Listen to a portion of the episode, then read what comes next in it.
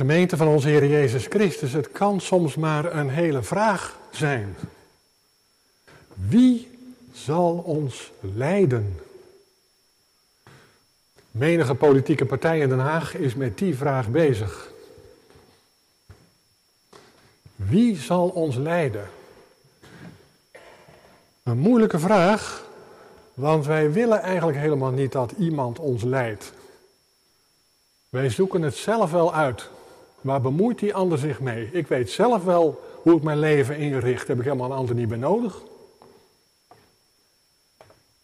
En tegelijk zoeken we iemand die ons toch een weg wijst. Allebei. Dat is een merkwaardige mix. Een, een, een tegengestelde mix ook. Waardoor het bijzonder moeilijk wordt. Wij willen zelf onze weg uitzetten. Maar een ander moet zich niet met mij bemoeien. De westerse cultuur is vaderloos. En daarom wordt besturen heel erg moeilijk. Er zijn nog nooit zoveel wethouders afgetreden tussentijds als in de afgelopen jaren. En er zijn nog nooit zoveel Tweede Kamerleden weggelopen als in de afgelopen maanden. Het is niet meer te doen.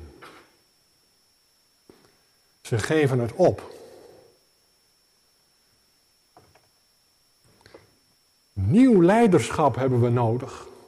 We dachten even, misschien Pim Fortuyn. Maar die is vermoord. Hij kreeg bijna het aureool van de Messias. Zou het nu misschien Pieter Omzicht worden? Of toch een ander? Iemand zal toch ons landje moeten leiden. En dan zeg ik inderdaad alleen nog maar ons landje. Het is een piepklein landje, terwijl onze problemen, die hebben wereldschaal. Donald Trump, die vindt zichzelf een leider. Is Joe Biden veel beter? Waar denk je aan bij een leider? Misschien iemand als Zelensky? Ook in de kerk is leiderschap een enorm probleem geworden. Ook daar zijn velen die tussentijds moedeloos afhaken. Want je wil wel, u hebt zelf twee nieuwe predikanten beroepen en ook gekregen, maar je wil wel iemand, ja, die voorop gaat, die een weg wijst, die geestelijk leiding geeft, die je prikkelt, die je intellectueel uitdaagt die je ook tegenspreekt en aan het denken zet. Iemand die origineel is en authentiek, maar hij moet wel de boel ook bij elkaar houden. Wie zal ons voor ons strijden tegen de Ammonieten? En die Ammonieten, dat zijn geen lievertjes, want er is een hele strijd te strijden. Vergist u zich niet. Daar heeft Paulus het over. In Efeze 6. Wij hebben de strijd, zegt hij, niet tegen vlees en bloed en tegen allerlei machten, maar, ja, maar tegen de machten. De machten, die zijn vuil, die zijn venijnig. Die willen chaos. Hij heeft het over de geest van de eeuw, listige verleidingen van de duivel. Krachten die leiding geven aan duisternis. Want ook de duisternis heeft een leider. De duisternis van dit tijdperk. Er is wel iets aan de hand. Wie zal strijden tegen de Ammonieten? Iemand die ons hoop geeft, iemand die ons uit de modder trekt. Nou, de burgers van Gilead die komen uit bij Jefta. Weliswaar niet eerste keus, maar ja, er is verder niemand. Dus dan maar Jefta. Jefta moet ons redden. En zo is Jefta richter geworden. Hij staat in Hebreeën 11 in de rij tussen Samuel en David en vele andere geloofshelden, voorbeelden van geloof. Ik heb me in het leven van Jefta wat verdiept en als ik het voor het zeggen had, maar dat is niet zo, maar als ik het voor het zeggen had, dan was Jefta nooit in die rij van Hebreeën 11 terechtgekomen. Maar goed, hij staat er en de geest van de Heere was op hem.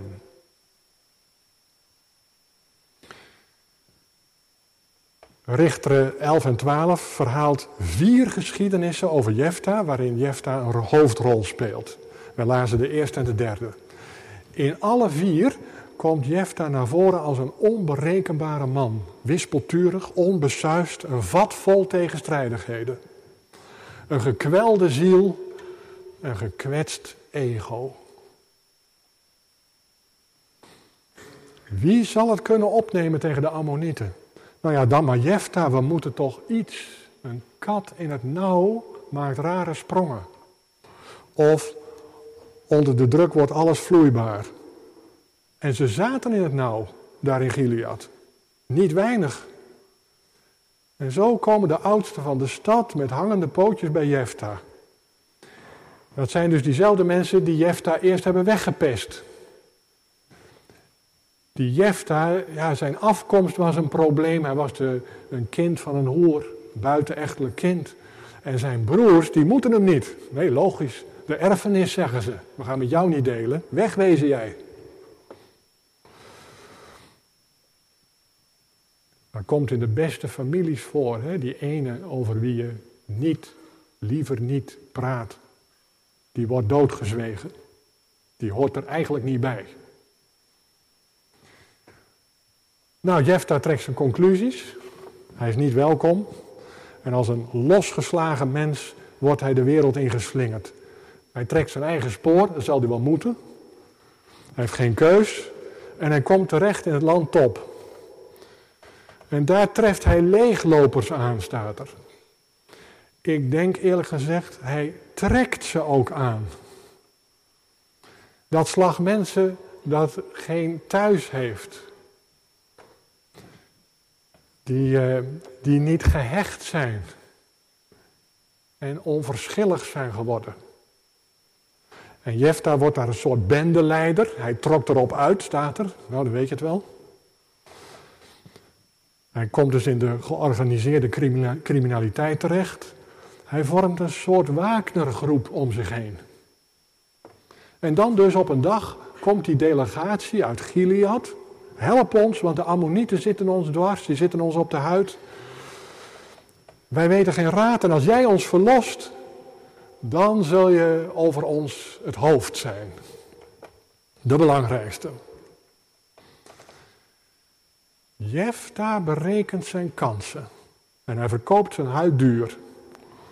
Dat gaat zomaar niet, zegt hij. Ho, ho, ho even. Zullen jullie mij werkelijk tot leider over jullie aanstellen? En dan noemt Jefta de naam van de Heere. Als de Heere mij de Ammonieten in handen geeft. Ja, zeggen ze dan, dan zullen we je zeker tot leider aanstellen over ons. Jefta laat het ze met een eed zweren. De Heere is onze toehoorder. Hij hoort alles, hij weet alles, hij ziet alles. Hij is getuige. Jefta sprak al deze woorden voor het aangezicht van de Heere in Mispa. En dan de tweede situatie, midden in hoofdstuk 11, die hebben we overgeslagen bij het lezen. Je zou dus denken, nou dan gaat hij dus strijden met die Ammonieten, dat gebeurt uiteindelijk ook wel. Maar eerst probeert Jefta het diplomatiek op te lossen. Hij stuurt wat onderhandelaars naar de Ammonieten toe en hij zegt, ja wat is nou eigenlijk jullie probleem? Alsof hij dat niet wist. Nou, en dan blijkt, het gaat over een stuk land, een gebied in het overjordaanse. In Israël is land een delicate kwestie, tot op de dag van vandaag. En de Ammonieten die claimen dat ze recht hebben op een gebied tussen de Arnon, de Jabok en de Jordaan. Er gaan wat onderhandelaars heen en weer. En dan, Jefta die noemt dan twee argumenten. Eerst historisch, hij zegt jullie verdraaien de geschiedenis. Zo is het helemaal niet gegaan. Wij hebben jullie nooit land afgepakt. Een mooi staaltje van ruzie over de geschiedenis. Hè. Wij vertellen de geschiedenis graag zo dat de geschiedenis ons gelijk geeft. Dat is van alle eeuwen, dat gebeurt hier dus ook. En Jefta zegt, ja goed, wij hebben de Edomieten en de Amorieten, ja die hebben we gedood. Toen we hier naar het beloofde land kwamen. Maar jullie hebben we nooit iets in de weg gelegd. Staat allemaal in nummer 20 en 21. Jefta is goed thuis in de Bijbelse geschiedenis. Hij was er goed in opgevoed. En het tweede argument is theologisch. De Heere onze God heeft ons dit land gegeven, zegt Jefta. Dus wat wil je? Het is van ons. En verzet je maar niet, dat hebben Balak en Biliam ook geprobeerd, maar te vergeefs. Denken jullie soms dat je tegen de Heere God op kan? En dus opnieuw brengt Jefta daar nadrukkelijk de naam van God in. Kun je lezen in hoofdstuk 11, vers 27 aan het eind. Dan zegt Jefta, laat de Heere, die rechter is, op deze dag oordelen tussen de Israëlieten en de Ammonieten. Maar de Ammonieten luisteren niet, zijn voor geen reden vatbaar en zo breekt er dus oorlog uit. En dan die derde, dat derde paneel. Dat verschrikkelijke verhaal over die dochter. We hebben nou al twee keer gezien dat Jefta een spraakwaterval is. Een onderhandelaar. Hij praat als brugman. En we hebben ook al twee keer gezien dat hij de naam van de Heere erbij haalt. Nou, dat herhaalt zich nu voor de derde keer. Jefta doet een belofte aan de Heere God. Er staat, hij opent zijn mond naar de Heere toe. Dat is een wat ingewikkelde manier om te zeggen. Hij opent zijn mond naar de Heere toe. Daar hoor je ook iets in van, hij deze mond wel iets te veel open. Had ietsje te grote mond. Hij praatte ook te veel. Hij praatte maar en hij praatte maar. En hij praatte maar. Maar hij praat ook zichzelf voorbij. En hij zegt tegen de Heere God, als u mij de overwinning geeft op de Ammonieten, dan zal ik het eerste wat uit mijn huis mij tegemoet komt, aan u teruggeven als een brandoffer.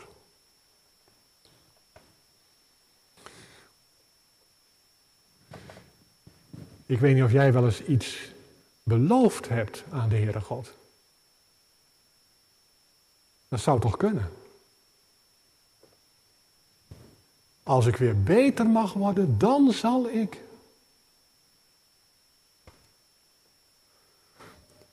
Dat is trouwens best heel mooi, vind ik, toch? Dat je iets belooft aan de Heere God. Plechtig. Dat heet een gelofte. Een gelofte. Als ik dat zo aan u vraag van, heb je dat wel eens gedaan? Dan, dan denk ik aan het moment toen je beleidenis deed. Of toen je kinderen liet dopen. De Bijbel geeft allerlei voorbeelden van mensen die een gelofte doen. Daar is niks mis mee, in tegendeel. Tenminste, als je het van harte doet en vrijwillig. Mooi voorbeeld is Hanna. Als u mij een zoon geeft, dan zal ik hem aan u afstaan. Dan is die voor u. Mooi toch? Of Jacob op de vlucht. Dan zegt hij tegen God: Als u mij beschermt, als u mij weer veilig thuis brengt hier, dat ik in vrede kan wonen, dan zal ik het tiende van alles wat ik heb aan u teruggeven. Dat klinkt al ietsje minder zuiver. Jefta doet een gelofte. En die gelofte van Jefta, dat vormt voor ons als Bijbellezers een immens probleem. Hij belooft namelijk een mensenoffer. Dat was gebruikelijk bij heidevolkeren, maar in de Bijbel is dat volstrekt verboden. Als Jefta een, aan een dier had gedacht, dan wordt zijn hele belofte vreemd.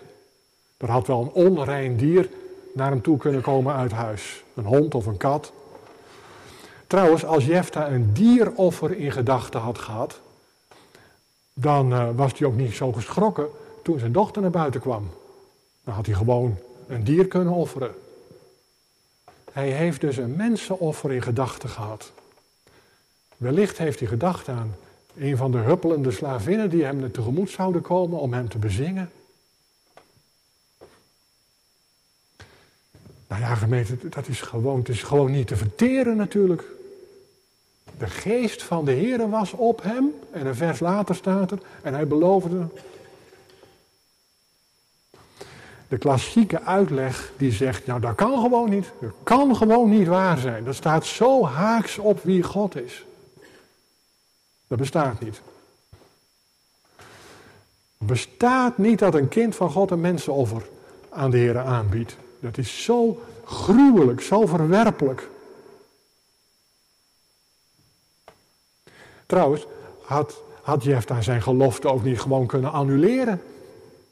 Een mens kan zich toch vergissen. Hij had toch kunnen zeggen, nou ja, sorry, maar ik heb me verslikt in mijn woorden. Bij nader inzien. In 1 Samuel 14 gaat het over Saul, die doet ook een gelofte. Die zegt, niemand mag vandaag eten totdat de Heer ons de overwinning geeft. Wie toch eet, wordt gedood aan het eind van de dag blijkt dat zijn eigen zoon heeft gegeten, honing gegeten. Ja, dan moet hij gedood worden, zegt Saul. Ik moet mijn gelofte houden. Nee, zegt het volk, dat gebeurt niet. Het volk houdt hem tegen. Had Jefta zijn gelofte niet kunnen herroepen, of is hij daar te koppig voor, te trots? En niemand grijpt in, zelfs zijn eigen dochter niet, die gaat er helemaal in mee. Die zegt alleen van geef me nog twee maanden respijt, maar verder. Fijn dat u de overwinning hebt gehaald, vader. En nog raadselachtiger is natuurlijk, waarom grijpt God niet in? Dat deed hij wel toen Abraham Isaac wilde gaan offeren.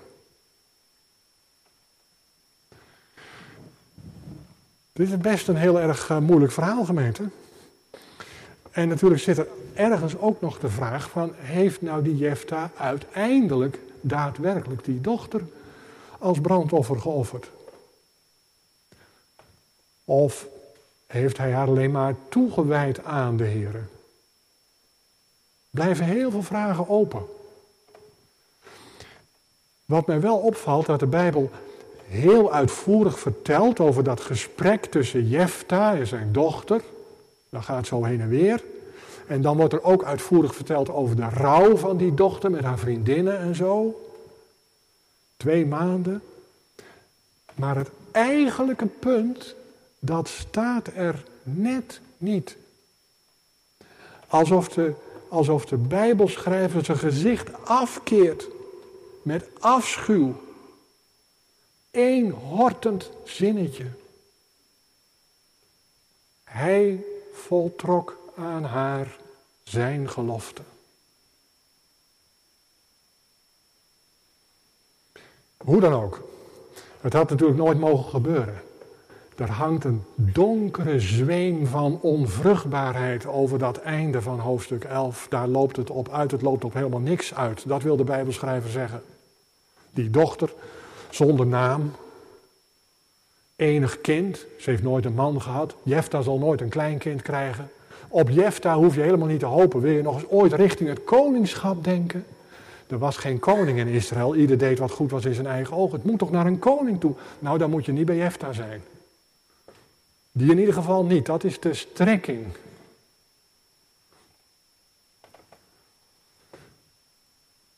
Maar wat was er nou zo verkeerd aan die gelofte, behalve dat het helemaal onnodig was? Nou ja, gemeente, er zit iets in van, je kunt de Heere God proberen te beïnvloeden. Je moet God een beetje de goede kant opduwen. En dat is ook wel nodig, want je weet het nooit helemaal zeker met God. Dat bidden wij ook vaak. Wij bidden, wij gaan onze weg en wilt u met ons meegaan? Wij bidden meestal niet, u gaat uw weg en wilt u geven dat ik met u meega? Wij willen God een beetje hebben, ja, zoals wij hem hebben willen. Uh, Jefta, die onderhandelde met de Gileadieten en met de Ammonieten. En nou onderhandelt hij ook met God. Met een hele woordenstroom. Hij praat als brugman. En hij denkt, er moet toch een overwinning uit te slepen zijn. Terwijl de Heere God nu juist die overwinning belooft had. Hij belooft het, maar jij vertrouwt het niet helemaal. Je wilt meer vastigheid. En zo maak je de Heere verdacht. En als je de Heere God verdacht maakt, dan zet je hem in hetzelfde rijtje met de afgoden. Op één lijn. Die afgoden die je kan proberen te paaien met fraaie beloften en met dure offers. Die je probeert naar je hand te zetten. Je opent je mond en je hebt wat te zeggen. Maar bij God gemeente kun je niet onderhandelen. En dat hoeft ook helemaal niet. Nergens voor nodig. Want hij is zichzelf. Ik ben die ik ben. Hij draagt je door al dat geweld van die Ammonieten heen. Ook in onze tijd. Vertrouw hem. Dat is het punt. Vertrouw hem. Het punt is niet, wat is er nou precies met die dochter gebeurd? Als, je nou straks thuis komt, moet je daar niet te veel over praten. Daar kom je trouwens toch nooit uit. En wat schiet je ermee op? Waar je over moet praten straks is, wie is God? En waarin is God nou anders dan al die afgoden? En waarom denk ik nou dat ik God een beetje moet bijsturen en dat ik, dat ik met veel gepraat hem de goede kant op kan praten? Wie is God eigenlijk? Daar gaat het over. Daar moet je het straks over hebben als je thuis komt. Nou, en dan nog die vierde geschiedenis heel kort. Het staat in hoofdstuk 12. Dan komen de mannen van Ephraim bij Jefta en die beklagen zich erover dat ze de eer van de overwinning niet krijgen, dat ze daarin niet mogen delen. En Jefta wordt dan zo kwaad. Hij zegt, de Heere gaf mij de Ammonieten in mijn hand. Weer de naam van de Heere. In de mond van Jefta. Nu al voor de vierde keer. De Heere gaf ze in mijn hand en dan gaan jullie hier zitten zeuren wie de eer ervan moet krijgen. En dat jullie niet genoeg gezien worden en niet genoeg geëerd zijn. En dan maakt hij korte metten. Hij neemt de wapens op en hij doodt die Ephraimieten. Dus dat richterschap van Jefta, dat eindigt in een bloedige burgeroorlog. Jefta gaf zes jaar leiding, dat is maar kort. Hij stierf en werd ergens begraven. Waar precies? Ja, dat doet er niet toe. Ergens in Gilead. En wat bij de andere richter staat, dat ontbreekt nu. Er was zoveel jaar vrede in Israël. Het land had zoveel jaar rust. Daar lees je niks over. Nou, zo eindigt het. Dat is het. Wat moeten wij nou van die Jefta denken? Nou, mij valt op dus dat hij stevast over de Heere God begint. En tegelijk valt mij op dat de Heere God zelf helemaal niets zegt. Al die hoofdstukken lang zegt hij zelf niets. Hij zwijgt in alle talen. Zulke perioden zijn er ook in de geschiedenis van Israël en van de kerk. Dat wij alsmaar zitten te praten over de Heere God, maar zelf zegt hij niks. Dat kan ook nog. Je leest zelfs niet eens dat Jefta door de Heere God geroepen was om richter te worden. Zelfs dat niet. Nou, terug naar de tekst. Wie zal ons leiden? Kan een hele vraag worden. Op moeilijke momenten. Is Jefta de geschikte kandidaat? Is wel een vat vol tegenstrijdigheden. Hij bruist van de energie. Hij, wil wat. Maar hij is ook onbesuist, onrustig. Er, er broeit iets in zijn hart. Waar, waar liefde en haat door elkaar heen gemengd zijn. Soms, op sommige momenten, gaat hij als een waanzinnige tekeer. Zo'n kop in de wind, dwars. En als hij met zijn dochter praat, dan doet hij dat vol tederheid. Bij tijden is hij bevlogen, bij tijden verblind. Het is eigenlijk een ongeleid projectiel. Moet dat nu onze leiders worden? Moet die ons nu vertellen hoe wij zullen leven? Moet die ons nu van de ammonieten verlossen? Kan zo iemand eigenlijk wel richter zijn? En hoort hij wel thuis in dat rijtje van Hebreeën 11 bij de voorbeelden van geloof? We hebben er wel een beetje twijfels bij.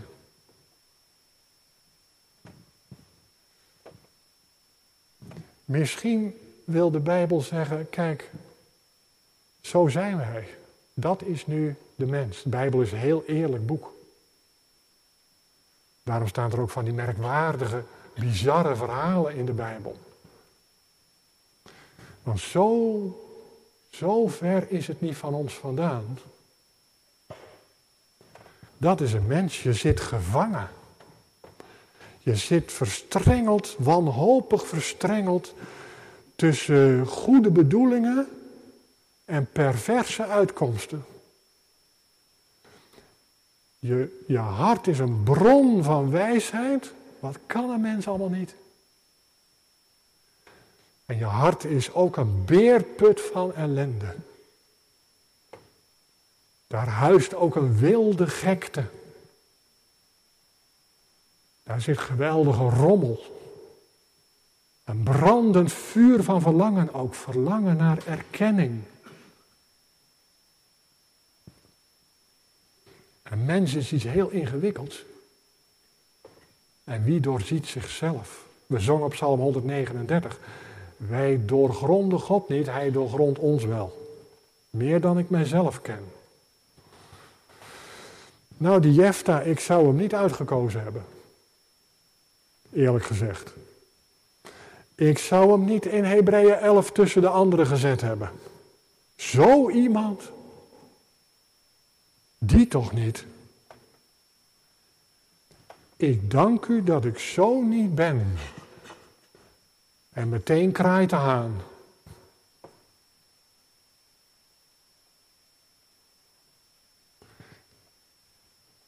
Wie zal ons verlossen uit de machten, het heidendom dat zich breed maakt en wat we angstig naar ons toe zien komen?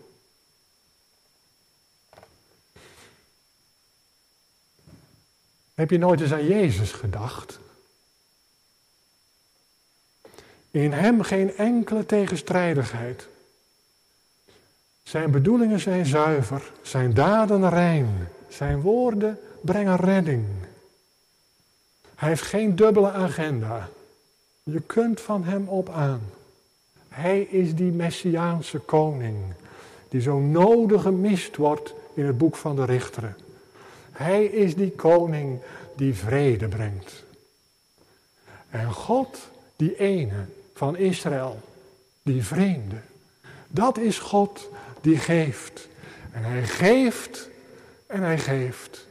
Hij geeft zijn zoon. Vertrouw je dat niet? Waarom niet? Hij geeft zijn zoon als brandoffer. Als bewijs van zijn brandende liefde voor zulke mensen. Nou ja, zulke mensen zoals Jefta, zulk soort. Ik dacht even, als Jefta daar in dat rijtje staat in Hebreeën 11. Nou, dan kan ik er ook wel naast. Dan kan ik er ook wel bij. Dankzij Jezus. Dankzij Jezus. Die in onze plaats wilde staan.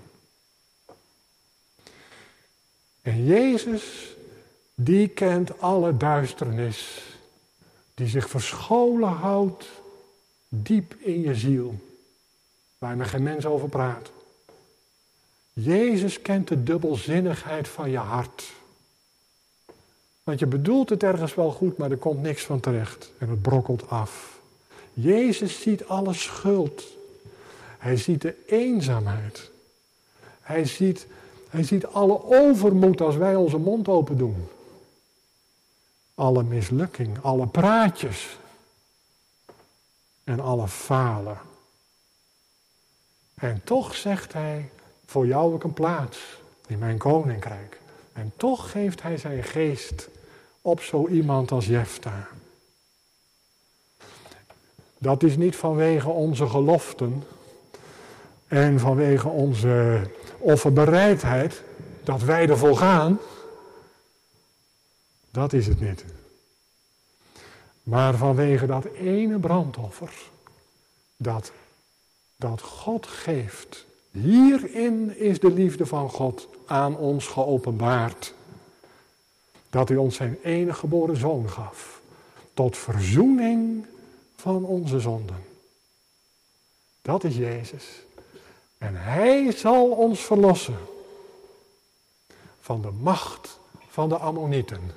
Amen.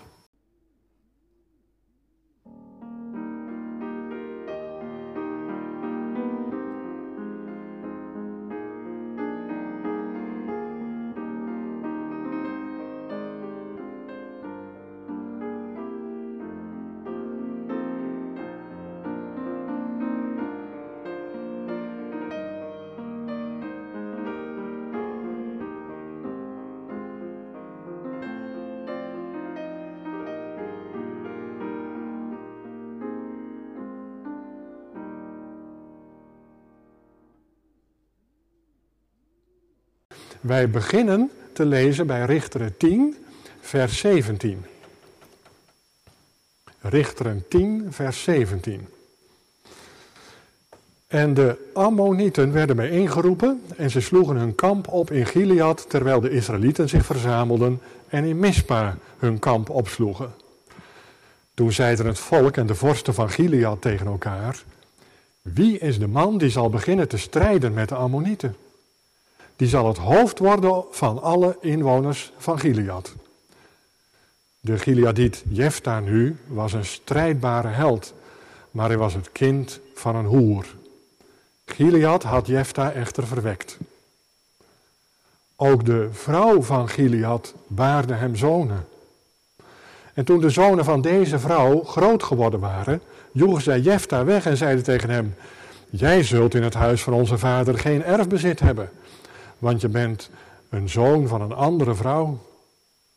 Toen vluchtte Jefta voor zijn broers en ging in het land Top wonen. En leeglopers verzamelden zich bij Jefta en trokken er met hem op uit. En er gebeurde na enkele dagen dat de Ammonieten tegen Israël streden. En er gebeurde terwijl de Ammonieten tegen Israël streden, dat de oudsten van Gilead op weg gingen om Jefta uit het land Top te halen. Ze zeiden tegen Jefta, kom, en wees onze aanvoerder en laten wij tegen de Ammonieten strijden. Jefta zei echter tegen de oudste van Gilead, hebt u mij niet gehaat en mij uit het huis van mijn vader weggejaagd? Waarom bent u dan nu naar mij toegekomen, nu u in het nauw zit? En de oudste van Gilead zeide tegen Jefta, daarom zijn wij naar u toegekomen, teruggekomen opdat u met ons meegaat en tegen de Ammonieten strijdt. U zult voor ons het hoofd zijn over alle inwoners van Gilead. Toen zei Jefta tegen de oudste van Gilead, als u mij terughaalt om te strijden tegen de Ammonieten, en de Heer hen aan mij zal overleveren, zal ik dan uw hoofd zijn? Daarop zeiden de oudste van Gilead tegen Jefta, mogen de Heer toehoorden zijn tussen ons en u, als wij niet zo overeenkomstig uw woorden zullen handelen. Zo ging Jefta met de oudste van Gilead mee en het volk stelde hem als hoofd en aanvoerder over zich aan. En Jefta sprak al deze woorden voor het aangezicht van de Heere in Mispa. Dat is de eerste geschiedenis. En dan vervolgt er een geschiedenis, een onderhandeling. Jefta gaat naar die Ammonieten toe en probeert het in vrede op te lossen, maar dat mislukt. Dan lees ik verder bij vers 29. Dat is de derde geschiedenis. Toen kwam de geest van de Heere op Jefta. En hij trok door Gilead en Manasse. Vervolgens trok hij door Mispe in Gilead en vanuit Mispe in Gilead trok hij op naar de Ammonieten. En Jefta deed de Heer een gelofte en zei, als u de Ammonieten geheel in mijn hand zult geven, dan zal dat wat naar buiten komt en mij vanuit de deur van mijn huis tegemoet komt, als ik in vrede terugkeer van de Ammonieten, voor de Heere zijn. En ik zal het als brandoffer offeren. Zo trok Jefta op naar de Ammonieten om tegen hen te strijden en de Heere gaf hen in zijn hand. En hij versloeg hen vanaf Aroer tot waar u bij Minit komt, twintig steden. En tot bij Abel Keramim, met een zeer grote slag. Zo werden de Ammonieten vernederd van voor de ogen van de Israëlieten. Maar toen Jefta in Mispa bij zijn huis aankwam, zie, toen kwam zijn dochter naar buiten, hem tegemoet met tamboerijnen en in rijdans. Nu was zij zijn enige kind, hij had verder geen zoon of dochter. En het gebeurde toen hij haar zag dat hij zijn kleren scheurde en zei: Ach, mijn dochter, je laat mij diep neerbukken en je hoort nu bij hen die mij in het ongeluk storten. Ik heb namelijk mijn mond naar de Heere open gedaan en ik kan er niet op terugkomen. Maar zij antwoordde hem, mijn vader, als u uw mond naar de Heer hebt geopend, doe dan met mij overeenkomstig datgene wat u hebt gesproken, aangezien de Heer u immers volledig gebroken heeft op uw vijanden, de Ammonieten. Verder zei ze tegen haar vader, laat de volgende zaak ten aanzien van mij gebeuren. Laat mij twee maanden begaan om af te dalen naar de bergen en te huilen, omdat ik maagd zal blijven. Ik samen met mijn vriendinnen. En hij zei: Ga. En hij liet haar voor twee maanden gaan. Toen ging zij met haar vriendinnen op weg en zij huilde op de bergen omdat ze maagd zou blijven. En het gebeurde na verloop van twee maanden dat zij naar haar vader terugkeerde. En hij voltrok aan haar zijn gelofte die hij had gedaan. Zij had geen gemeenschap gehad met een man. En het werd een gewoonte in Israël dat de dochters van Israël van jaar tot jaar op weg gingen om met de dochter van Jefta de Gileadiet te praten, vier dagen per jaar. En dan staat er in hoofdstuk 12 nog dat hij Jefta, dat is de vierde geschiedenis, tegen de stam van Ephraim heeft gestreden. En ik lees dan nog vers 7, dat is het slot, de conclusie. Jefta gaf zes jaar leiding aan Israël en de Gileadiet Jefta stierf en werd begraven in een van de steden van Gilead. Amen. Ik wil als leidraad nemen de tekst uit Richteren 10, het laatste vers van Richteren 10. En midden in, die, in dat vers, vers 18, daar staan deze woorden, deze vraag. Wie is de man die zal beginnen te strijden met de Ammonieten? Gemeente van onze Heer Jezus Christus, het kan soms maar een hele vraag zijn. Wie zal ons leiden? Menige politieke partij in Den Haag is met die vraag bezig. Wie zal ons leiden? Een moeilijke vraag, want wij willen eigenlijk helemaal niet dat iemand ons leidt. Wij zoeken het zelf wel uit. Waar bemoeit die ander zich mee? Ik weet zelf wel hoe ik mijn leven inricht. Heb ik helemaal een ander niet bij nodig. En tegelijk zoeken we iemand die ons toch een weg wijst. Allebei. Dat is een merkwaardige mix. Een, een, een tegengestelde mix ook. Waardoor het bijzonder moeilijk wordt. Wij willen zelf onze weg uitzetten. Maar een ander moet zich niet met mij bemoeien. De westerse cultuur is vaderloos. En daarom wordt besturen heel erg moeilijk. Er zijn nog nooit zoveel wethouders afgetreden tussentijds als in de afgelopen jaren. En er zijn nog nooit zoveel Tweede Kamerleden weggelopen als in de afgelopen maanden. Het is niet meer te doen. Ze geven het op. Nieuw leiderschap hebben we nodig. We dachten even, misschien Pim Fortuyn. Maar die is vermoord. Hij kreeg bijna het aureool van de Messias.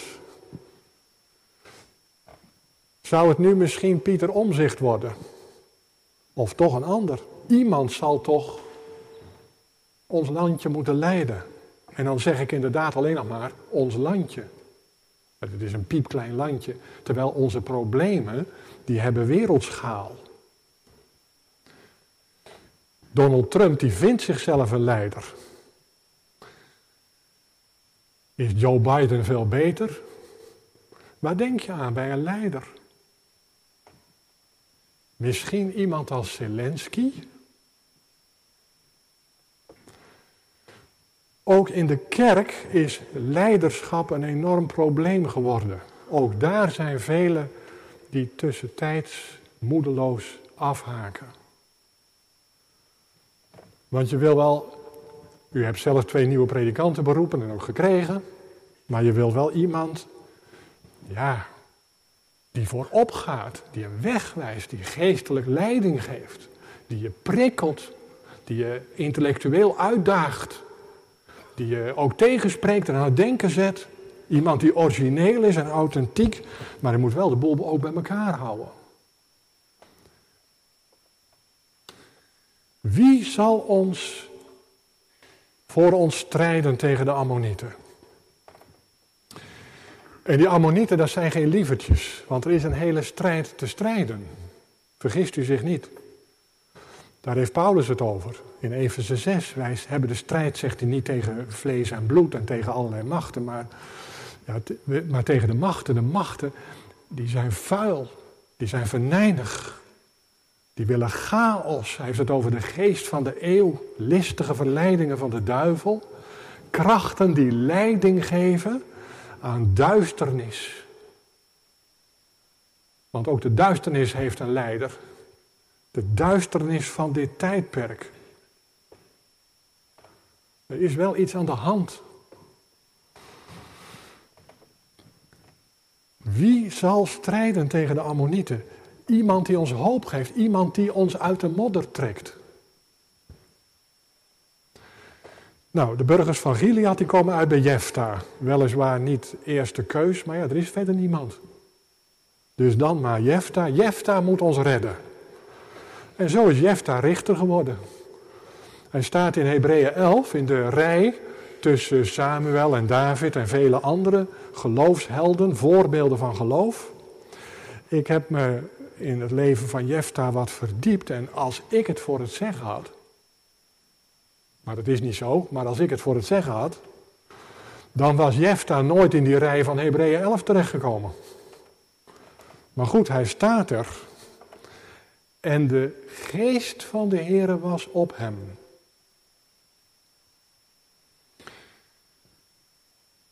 Richter 11 en 12 verhaalt vier geschiedenissen over Jefta, waarin Jefta een hoofdrol speelt. We lazen de eerste en de derde.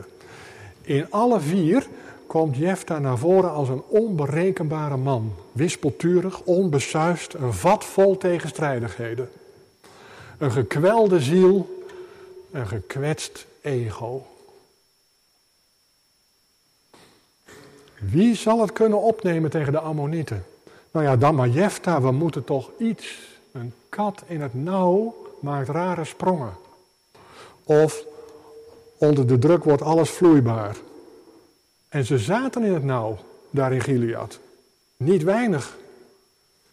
En zo komen de oudsten van de stad met hangende pootjes bij Jefta. Dat zijn dus diezelfde mensen die Jefta eerst hebben weggepest. Die Jefta, ja, zijn afkomst was een probleem. Hij was een kind van een hoer, buitenechtelijk kind. En zijn broers, die moeten hem niet. Nee, logisch. De erfenis, zeggen ze. We gaan met jou niet delen. Wegwezen jij. Dat komt in de beste families voor, hè? die ene over wie je niet, liever niet praat. Die wordt doodgezwegen. Die hoort er eigenlijk niet bij. Nou, Jefta trekt zijn conclusies. Hij is niet welkom. En als een losgeslagen mens wordt hij de wereld ingeslingerd. Hij trekt zijn eigen spoor, dat zal hij wel moeten. Hij heeft geen keus. En hij komt terecht in het land Top. En daar treft hij leeglopers aan, staat er. Ik denk eerlijk gezegd, hij trekt ze ook aan. Dat slag mensen dat geen thuis heeft. Die, uh, die niet gehecht zijn. En onverschillig zijn geworden. En Jefta wordt daar een soort bendeleider. Hij trok erop uit, staat er. Nou, dan weet je het wel. Hij komt dus in de georganiseerde criminaliteit terecht. Hij vormt een soort Wagnergroep om zich heen. En dan dus op een dag komt die delegatie uit Gilead. Help ons, want de Ammonieten zitten ons dwars, die zitten ons op de huid. Wij weten geen raad en als jij ons verlost, dan zul je over ons het hoofd zijn. De belangrijkste. Jefta berekent zijn kansen. En hij verkoopt zijn huid duur. Dat gaat zomaar niet, zegt hij. Ho, ho, ho even. Zullen jullie mij werkelijk tot leider over jullie aanstellen? En dan noemt Jefta de naam van de Heere. Als de Heere mij de Ammonieten in handen geeft. Ja, zeggen ze dan, dan zullen we je zeker tot leider aanstellen over ons. Jefta laat het ze met een eed zweren. De Heere is onze toehoorder. Hij hoort alles, hij weet alles, hij ziet alles. Hij is getuige. Jefta sprak al deze woorden voor het aangezicht van de Heere in Mispa. En dan de tweede situatie, midden in hoofdstuk 11, die hebben we overgeslagen bij het lezen. Je zou dus denken, nou dan gaat hij dus strijden met die Ammonieten, dat gebeurt uiteindelijk ook wel. Maar eerst probeert Jefta het diplomatiek op te lossen.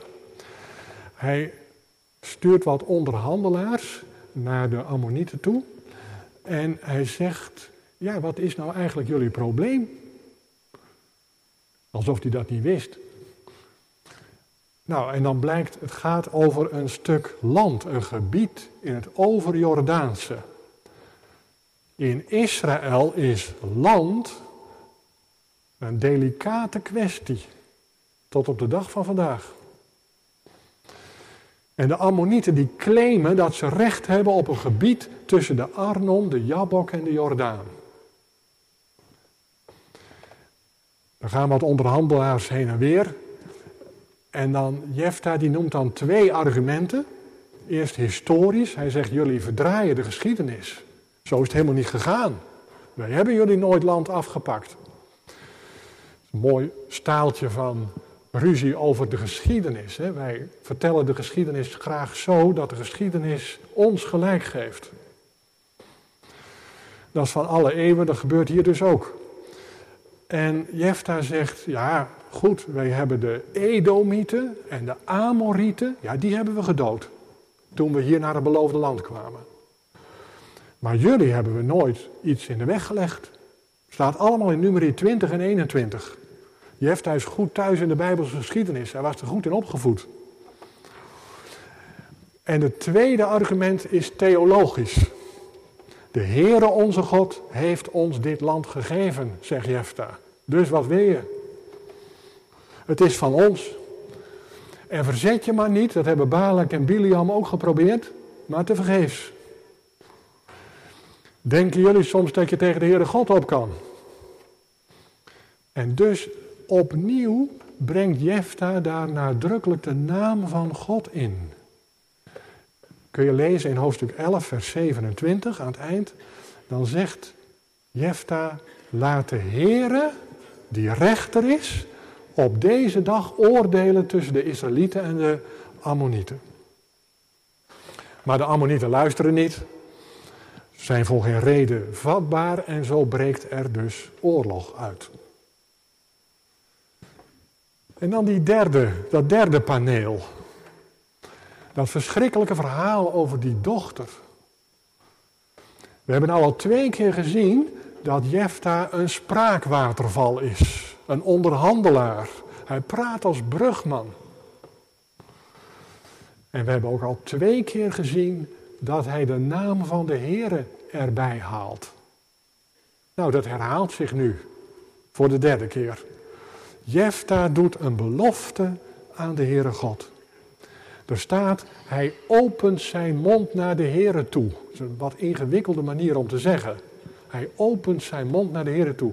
Daar hoor je ook iets in van, hij deze mond wel iets te veel open. Had ietsje te grote mond. Hij praatte ook te veel. Hij praatte maar en hij praatte maar. En hij praatte maar. Maar hij praat ook zichzelf voorbij. En hij zegt tegen de Heere God, als u mij de overwinning geeft op de Ammonieten, dan zal ik het eerste wat uit mijn huis mij tegemoet komt, aan u teruggeven als een brandoffer.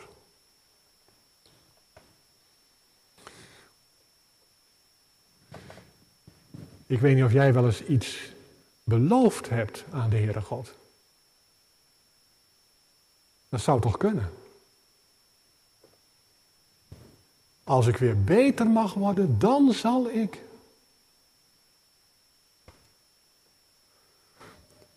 Dat is trouwens best heel mooi, vind ik, toch? Dat je iets belooft aan de Heere God. Plechtig. Dat heet een gelofte. Een gelofte. Als ik dat zo aan u vraag van, heb je dat wel eens gedaan? Dan, dan denk ik aan het moment toen je beleidenis deed. Of toen je kinderen liet dopen. De Bijbel geeft allerlei voorbeelden van mensen die een gelofte doen. Daar is niks mis mee, in tegendeel. Tenminste, als je het van harte doet en vrijwillig. Mooi voorbeeld is Hanna. Als u mij een zoon geeft, dan zal ik hem aan u afstaan. Dan is die voor u. Mooi toch? Of Jacob op de vlucht. Dan zegt hij tegen God: Als u mij beschermt, als u mij weer veilig thuis brengt hier, dat ik in vrede kan wonen, dan zal ik het tiende van alles wat ik heb aan u teruggeven. Dat klinkt al ietsje minder zuiver. Jefta doet een gelofte. En die gelofte van Jefta, dat vormt voor ons als Bijbellezers een immens probleem. Hij belooft namelijk een mensenoffer. Dat was gebruikelijk bij heidevolkeren, maar in de Bijbel is dat volstrekt verboden. Als Jefta een, aan een dier had gedacht, dan wordt zijn hele belofte vreemd. Er had wel een onrein dier naar hem toe kunnen komen uit huis. Een hond of een kat. Trouwens, als Jefta een dieroffer in gedachten had gehad, dan uh, was hij ook niet zo geschrokken toen zijn dochter naar buiten kwam. Dan had hij gewoon een dier kunnen offeren.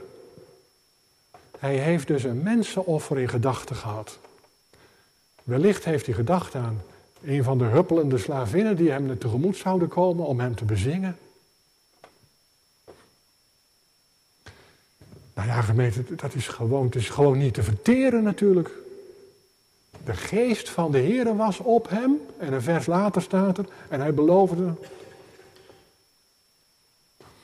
De klassieke uitleg die zegt, nou dat kan gewoon niet. Dat kan gewoon niet waar zijn. Dat staat zo haaks op wie God is. Dat bestaat niet.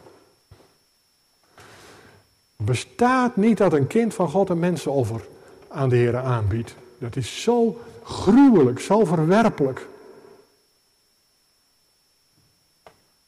Trouwens, had, had Jefta zijn gelofte ook niet gewoon kunnen annuleren?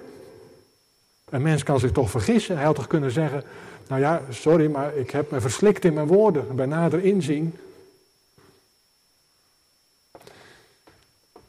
In 1 Samuel 14 gaat het over Saul, die doet ook een gelofte. Die zegt, niemand mag vandaag eten Totdat de Heer ons de overwinning geeft. Wie toch eet, wordt gedood. Aan het eind van de dag blijkt dat zijn eigen zoon heeft gegeten, honing gegeten. Ja, dan moet hij gedood worden, zegt Saul. Ik moet mijn gelofte houden. Nee, zegt het volk, dat gebeurt niet. Het volk houdt hem tegen. Had Jefta zijn gelofte niet kunnen herroepen, of is hij daar te koppig voor, te trots? En niemand grijpt in, zelfs zijn eigen dochter niet, die gaat er helemaal in mee. Die zegt alleen van geef me nog twee maanden respijt, maar verder. Fijn dat u de overwinning hebt gehaald, vader. En nog raadselachtiger is natuurlijk, waarom grijpt God niet in? Dat deed hij wel toen Abraham Isaac wilde gaan offeren. Dit is best een heel erg eh, moeilijk verhaal, gemeente. En natuurlijk zit er ergens ook nog de vraag van, heeft nou die Jefta uiteindelijk daadwerkelijk die dochter als brandoffer geofferd? Of heeft hij haar alleen maar toegewijd aan de Heer? Blijven heel veel vragen open. Wat mij wel opvalt, dat de Bijbel heel uitvoerig vertelt over dat gesprek tussen Jefta en zijn dochter. Dat gaat zo heen en weer. En dan wordt er ook uitvoerig verteld over de rouw van die dochter met haar vriendinnen en zo. Twee maanden. Maar het eigenlijke punt, dat staat er net niet.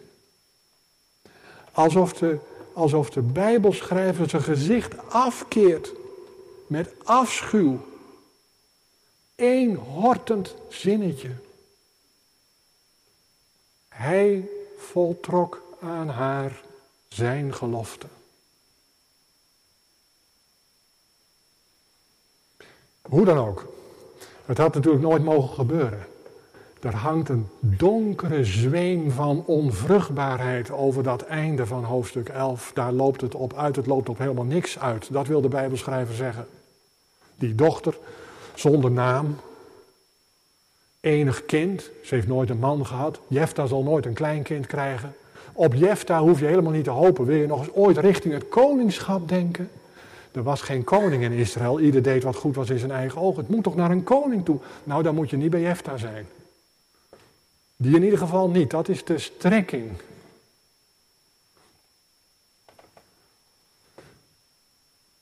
Maar wat was er nou zo verkeerd aan die gelofte, behalve dat het helemaal onnodig was? Nou ja, gemeente, er zit iets in van, je kunt de Heere God proberen te beïnvloeden. Je moet God een beetje de goede kant opduwen. En dat is ook wel nodig, want je weet het nooit helemaal zeker met God. Dat bidden wij ook vaak. Wij bidden, wij gaan onze weg en wilt u met ons meegaan? Wij bidden meestal niet, u gaat uw weg en wilt u geven dat ik met u meega? Wij willen God een beetje hebben, ja, zoals wij hem hebben willen. Uh, Jefta, die onderhandelde met de Gileadieten en met de Ammonieten. En nou onderhandelt hij ook met God. Met een hele woordenstroom. Hij praat als brugman. En hij denkt, er moet toch een overwinning uit te slepen zijn. Terwijl de Heere God nu juist die overwinning belooft had. Hij belooft het, maar jij vertrouwt het niet helemaal. Je wilt meer vastigheid. En zo maak je de Heere verdacht. En als je de Heere God verdacht maakt, dan zet je hem in hetzelfde rijtje met de afgoden. Op één lijn. Die afgoden die je kan proberen te paaien met fraaie beloften en met dure offers. Die je probeert naar je hand te zetten. Je opent je mond en je hebt wat te zeggen. Maar bij God gemeente kun je niet onderhandelen. En dat hoeft ook helemaal niet. Nergens voor nodig. Want hij is zichzelf. Ik ben die ik ben. Hij draagt je door al dat geweld van die Ammonieten heen, ook in onze tijd. Vertrouw Hem. Dat is het punt. Vertrouw Hem. Het punt is niet, wat is er nou precies met die dochter gebeurd? Als, als je nou straks thuis komt, moet je daar niet te veel over praten. Daar kom je trouwens toch nooit uit. En wat schiet je ermee op? Waar je over moet praten straks is, wie is God? En waarin is God nou anders dan al die afgoden? En waarom denk ik nou dat ik God een beetje moet bijsturen en dat ik, dat ik met veel gepraat hem de goede kant op kan praten? Wie is God eigenlijk? Daar gaat het over. Daar moet je het straks over hebben als je thuis komt. Nou, en dan nog die vierde geschiedenis heel kort. Het staat in hoofdstuk 12. Dan komen de mannen van Ephraim bij Jefta en die beklagen zich erover dat ze de eer van de overwinning niet krijgen, dat ze daarin niet mogen delen. En Jefta wordt dan zo kwaad. Hij zegt, de Heere gaf mij de Ammonieten in mijn hand. Weer de naam van de Heere. In de mond van Jefta. Nu al voor de vierde keer. De Heere gaf ze in mijn hand en dan gaan jullie hier zitten zeuren wie de eer ervan moet krijgen. En dat jullie niet genoeg gezien worden en niet genoeg geëerd zijn. En dan maakt hij korte metten. Hij neemt de wapens op en hij doodt die Ephraimieten. Dus dat richterschap van Jefta dat eindigt in een bloedige burgeroorlog. Jefta gaf zes jaar leiding, dat is maar kort. Hij stierf en werd ergens begraven. Waar precies? Ja, dat doet er niet toe. Ergens in Gilead. En wat bij de andere richter staat, dat ontbreekt nu. Er was zoveel jaar vrede in Israël. Het land had zoveel jaar rust. Daar lees je niks over. Nou, zo eindigt het. Dat is het. Wat moeten wij nou van die Jefta denken? Nou, mij valt op dus dat hij stevast over de Heere God begint. En tegelijk valt mij op dat de Heere God zelf helemaal niets zegt. Al die hoofdstukken lang zegt hij zelf niets. Hij zwijgt in alle talen. Zulke perioden zijn er ook in de geschiedenis van Israël en van de kerk. Dat wij alsmaar zitten te praten over de Heere God, maar zelf zegt hij niks. Dat kan ook nog. Je leest zelfs niet eens dat Jefta door de Heere God geroepen was om richter te worden. Zelfs dat niet. Nou, terug naar de tekst. Wie zal ons leiden? Kan een hele vraag worden op moeilijke momenten. Is Jefta de geschikte kandidaat? is wel een vat vol tegenstrijdigheden. Hij bruist van de energie. Hij, hij wil wat. Maar hij is ook onbesuist, onrustig. Er, broeit iets in zijn hart. Waar, waar liefde en haat door elkaar heen gemengd zijn. Soms, op sommige momenten, gaat hij als een waanzinnige tekeer. Zo'n kop in de wind, dwars. En als hij met zijn dochter praat, dan doet hij dat vol tederheid. Bij tijden is hij bevlogen, bij tijden verblind. Het is eigenlijk een ongeleid projectiel. Moet dat nu onze leiders worden? Moet die ons nu vertellen hoe wij zullen leven? Moet die ons nu van de Ammonieten verlossen? Kan zo iemand eigenlijk wel richter zijn? En hoort die wel thuis in dat rijtje van Hebreeën 11? Bij de voorbeelden van geloof. We hebben er wel een beetje twijfels bij.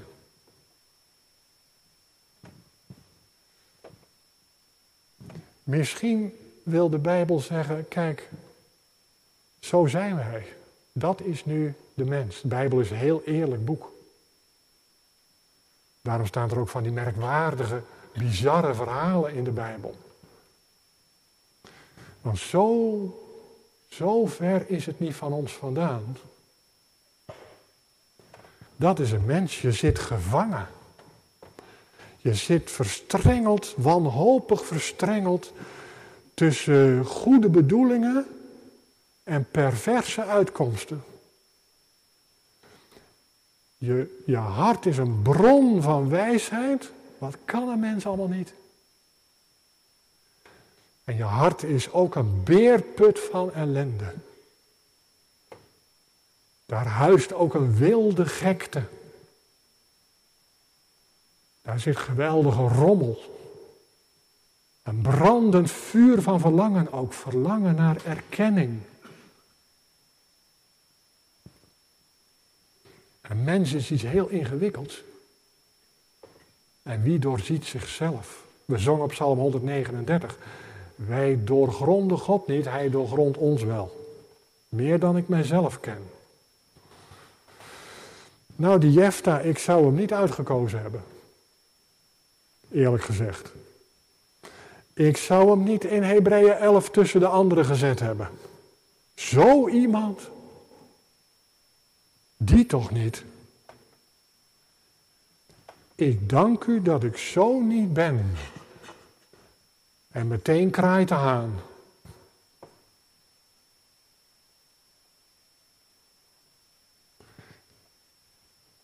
Wie zal ons verlossen uit de machten, het heidendom dat zich breed maakt en wat, we angstig naar ons toe zien komen?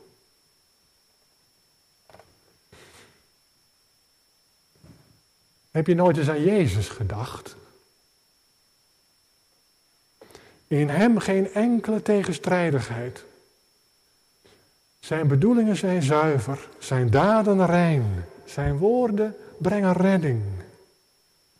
Hij heeft geen dubbele agenda. Je kunt van hem op aan. Hij is die messiaanse koning, die zo nodig gemist wordt in het boek van de Richteren. Hij is die koning die vrede brengt. En God, die ene van Israël, die vreemde, dat is God die geeft. En hij geeft en hij geeft. Hij geeft zijn zoon. Vertrouw je dat niet? Waarom niet? Hij geeft zijn zoon als brandoffer. Als bewijs van zijn brandende liefde voor zulke mensen. Nou ja, zulke mensen zoals Jefta, zulk soort. Ik dacht even, als Jefta daar in dat rijtje staat in Hebreeën 11, nou, dan kan ik er ook wel naast. Dan kan ik er ook wel bij. Dankzij Jezus.